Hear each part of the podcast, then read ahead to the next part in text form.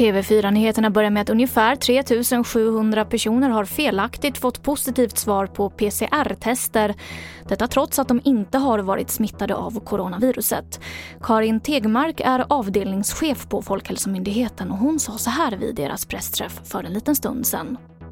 Ehm, två stycken laboratorier i landet har upptäckt bristande prestanda i ett kommersiellt test som har då resulterat i falskt positiva provsvar för covid-19. Och det här handlar om ett CE-märkt kommersiellt testkit från Kina som alltså då felaktigt har resulterat i positiva provsvar. Och det gäller PCR-tester. Och mer om detta på tv4play.se.